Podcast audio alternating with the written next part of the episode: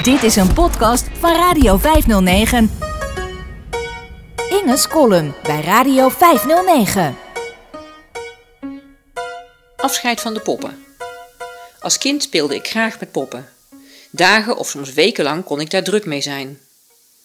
Wij hadden thuis een speelkast, een diepe muurkast onder de zoldertrap waarin ons speelgoed werd bewaard. Behalve een ton vol bambino-steentjes en de racebaan en trein van mijn broer, stonden daar mijn poppenbedjes met daarin verschillende poppen. Er waren een stuk of zes poppen die wel een naam hadden, maar waar ik niet bijzonder dol op was. Ik gebruikte ze alleen als figuranten wanneer ik schooltje of ziekenhuisje speelde. Ik speelde het liefst met dezelfde favoriete poppen.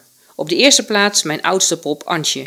Ik kreeg haar toen ik uit het ziekenhuis kwam nadat mijn amandelen waren geknipt. Ik moet toen een jaar of drie zijn geweest. Antje heb ik nog steeds. Ze is inmiddels over de 50 en ziet er nog goed uit voor haar leeftijd. Ter gelegenheid van mijn eerste communie, een zeer feestelijke gebeurtenis in de katholieke kerk, op 31 mei 1975, kreeg ik pop Annemiek. Toen ik 12 werd, mocht ik in een warenhuis in Bielefeld in Duitsland, waar wij toen op vakantie waren, een pop uitzoeken. Ik koos een grote babypop en noemde haar Lottie. Ik was in die tijd in de band van alles wat met baby's te maken had. Dat werd versterkt door mijn neefje Cyril, die een paar keer bij ons mocht logeren, zodat ik voor een echte baby mocht zorgen. Mijn vriendin Bianca en ik kregen de babykleertjes waar mijn neefje uit was gegroeid en kleden daar onze poppen mee aan. Ik mocht van mijn tante zelfs de oude kinderwagen hebben en daar liep ik trots mee rond in onze buurt. Toen ik net dertien was, ging ik naar de middelbare school. Bianca en ik speelden nog steeds met onze poppen als we in de vakanties bij elkaar logeerden. Maar ik had al snel in de gaten dat ik daar bij mijn klasgenoten op de MAVO niet mee aan moest komen. Die waren met heel andere dingen bezig.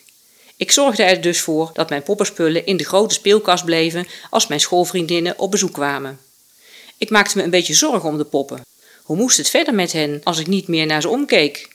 Maar ik vroeg me ook af hoe ik zelf ooit volwassen moest worden als ik maar met poppen bleef spelen. Ik zag wel in dat dat niet samen kon gaan. Het dilemma loste zich vanzelf op. Op een dag wilde ik met de poppen gaan spelen en haalde ik de spullen tevoorschijn.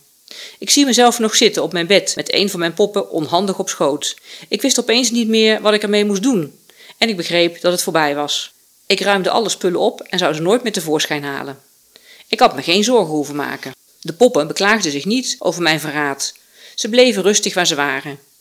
En ik ontdekte andere dingen om mijn dagen mee te vullen. Ik werd al gauw in beslag genomen door mijn eerste verliefdheid. Het bleek dat je als puber veel tijd kon doorbrengen met op bed liggen dromen, naar muziek luisteren en in een dagboek schrijven. In de tijd van mijn verliefdheid op Alois, een klasgenoot met mooie bruine ogen die echt ontzettend grappig was en alles durfde, kwam The Visitors uit, wat later de laatste plaat van ABBA zou blijken te zijn.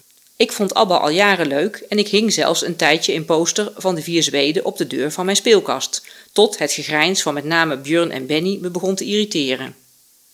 Met mijn Barbies, waar ik vroeger weinig mee speelde, maar die ik als dertienjarige gebruikte om mijn spel een wat volwassener tintje te geven, deed ik Agneta en Frida na. En ik stond vaak met de bekende haarborstel als microfoon voor de spiegel om The Winner Takes It All te zingen. Het was duidelijk dat ik geen kind meer was toen ik in de kerstvakantie van 1981, in plaats van in de weer te zijn met mijn poppen, urenlang onbeweeglijk voor het dakraam van mijn zolderkamer stond uit te kijken over de besneeuwde daken van onze straat, terwijl ik meezong met ABBA en dacht aan Alois, die ik een hele tijd niet zou zien, omdat het nu eenmaal twee hele weken kerstvakantie was.